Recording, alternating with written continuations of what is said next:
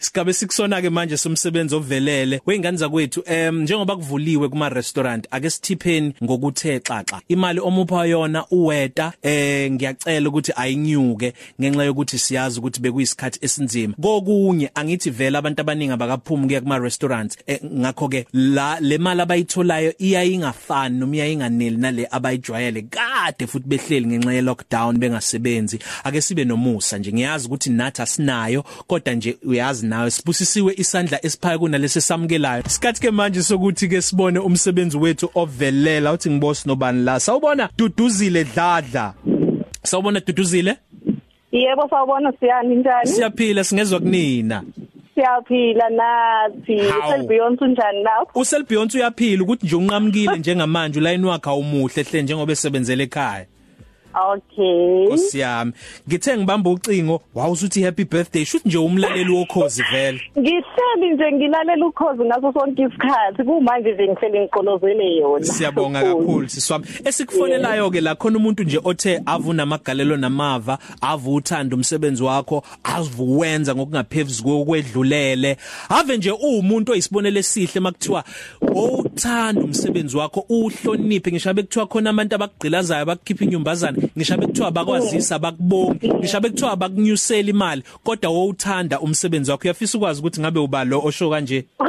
Oh yebo ngiyafisa ukwazi. Ake ulaleleke weduduzile. Sanibonani igama lami ngingunontsikelelo wakadladla nginominate uma wami ududuzile dladla ongunurse e Albert Luthuli Hospital usebenza inight shift okwamanje but ngimnominate ngoba ibreak wagcina ukuyithola last year ufika nje isifo secovid ubethi uzothatha ibreak ngoJune. Ngenxa yokuthanda umsebenzi wakhe usaqhubeka usasebenza kuze kube imanzi kuqala icovid sike samdlalisa sathi uh, uessential worker. Wathi vele ngoba umsebenzi wami kodwa ngaphezulu kwalokho niyazi ukuthi ngisherisha nomhlaba wonke ngoba lezi yazifuni leziya izingane zami nazo. Ngimnominate ngoba umsebenzi wakhe uyawuthanda. Ngisho ngabe kuthiwa kuyafiwa ngisho ngabe kuthiwa isifo esinjani uyawuthanda umsebenzi wakhe futhi uyakwazi ukuthi azizule ukuthi abe uma wethu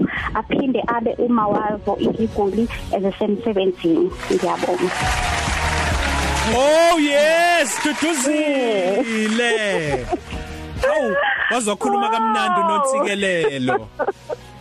Wow, ngiyabonga ngiyazibongela nama ngiyawuthanda abantu asiya umsebenzi wami. Usebenza Ayikho kuphi? into edlula ukuthi uthanda umsebenzi. Usebenza kuphi department lapha eAlbert Luthuli? Ngise medical. Use medical. Yebo. Iziphi nje izimo enihlangabezana nazo njengama nurse, njengama essential workers njengoba kune COVID-19 njengamanje, kodwa wena zithi ufuna ukubakhonza abantu, ufuna ukuserva umhlaba. Ayiziningi kona siyayinkinga esihlangabezana nazo. Kodwa ke ek- ekuhlangabezeni nazo uwena bosuthi ngiyazi ukuthi mina ngizeleni la umuntu o- oselele embhedeni kumele ukuthi ngaso sonke isikhathi umnakekele. Unlike wena usahamba. Ngoba nawe kufanele ulindele ukuthi ngelinye ilanga bakusize nawe Yeah. so okwamanje na njengoba belele nje kumele ukuthi sibasize nakuba yipi ingqinamba uhlangabezana nayo kodwa nje wena if go forward uye kuyena lo muntu uyomsiza lapha embedeni yebo kona sineyinkinga singamanesi but kodwa siyakwazi ukuthi siqhubeke nomsebenzi esawuyele esibhedlela Oh yes, njengoba futhi wena usebenza night shift, ngezwe kuthiwa Yes. i- i- inini enibhekana nobunzima obukhulu ngoba ila khona inhlungu Obukhulu. ibuya khona, abaphuphayo Yebo. mhlawumbe abahallucinatayo, nalabo abagcina bedlulelwe imphefumulo engathi immune system yehla kahlu- ka- ka- i- yehla kakhulu ebusuku. Izimo Yebo. zonke zencindezi enibhekana nazo njengabantu be night shift ezibhedlela. yes yes sizona zonke lezi zinkinga esihlangabezana nazo kodwa ke akubona konke lokho asinaki siyaqhubeka nje nokusebenza Ningichaza mase niqala ngomthandazo ishift sekuphela endala Yes. kuqala entsha iwona konke. phela umkhuleko eyayitholele ekutheni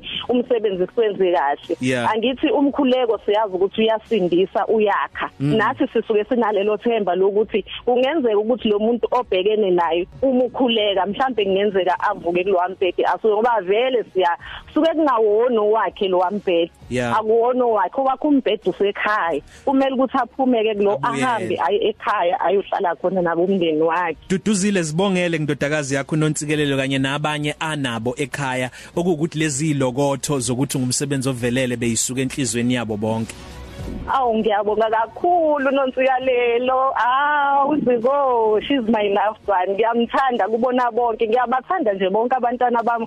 Kodwa she's the best. I can say that she's the best. babize phela Kodwa-ke nabanye nje- emoyeni Sorry.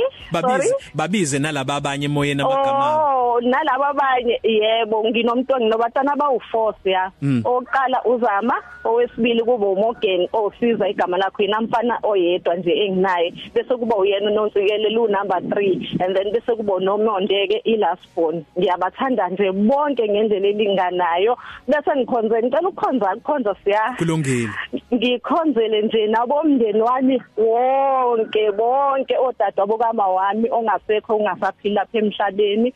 Ngithi nje unwelo olude kubona ngoba basayidlala indima yokuthi babe uma kumina ngizokhonzela nengisebenza nabo bonke ngabanye ngabanye nasesibhedlela bonke nje ngiyabakhonzela ngithi impilo enta asiphileni nje bafowethu asiphileni icovid asiyikhahleleni Dudu siyabonga kakhulu. Qhubeka mbokodo wenza amagalelo wenza umehluko empilweni yomuntu. Ushintshe umhlaba. So ngakhulu Dudu ngiyabonga nawe Top City Cafe. Ilunch yakho ayifani neyizolo.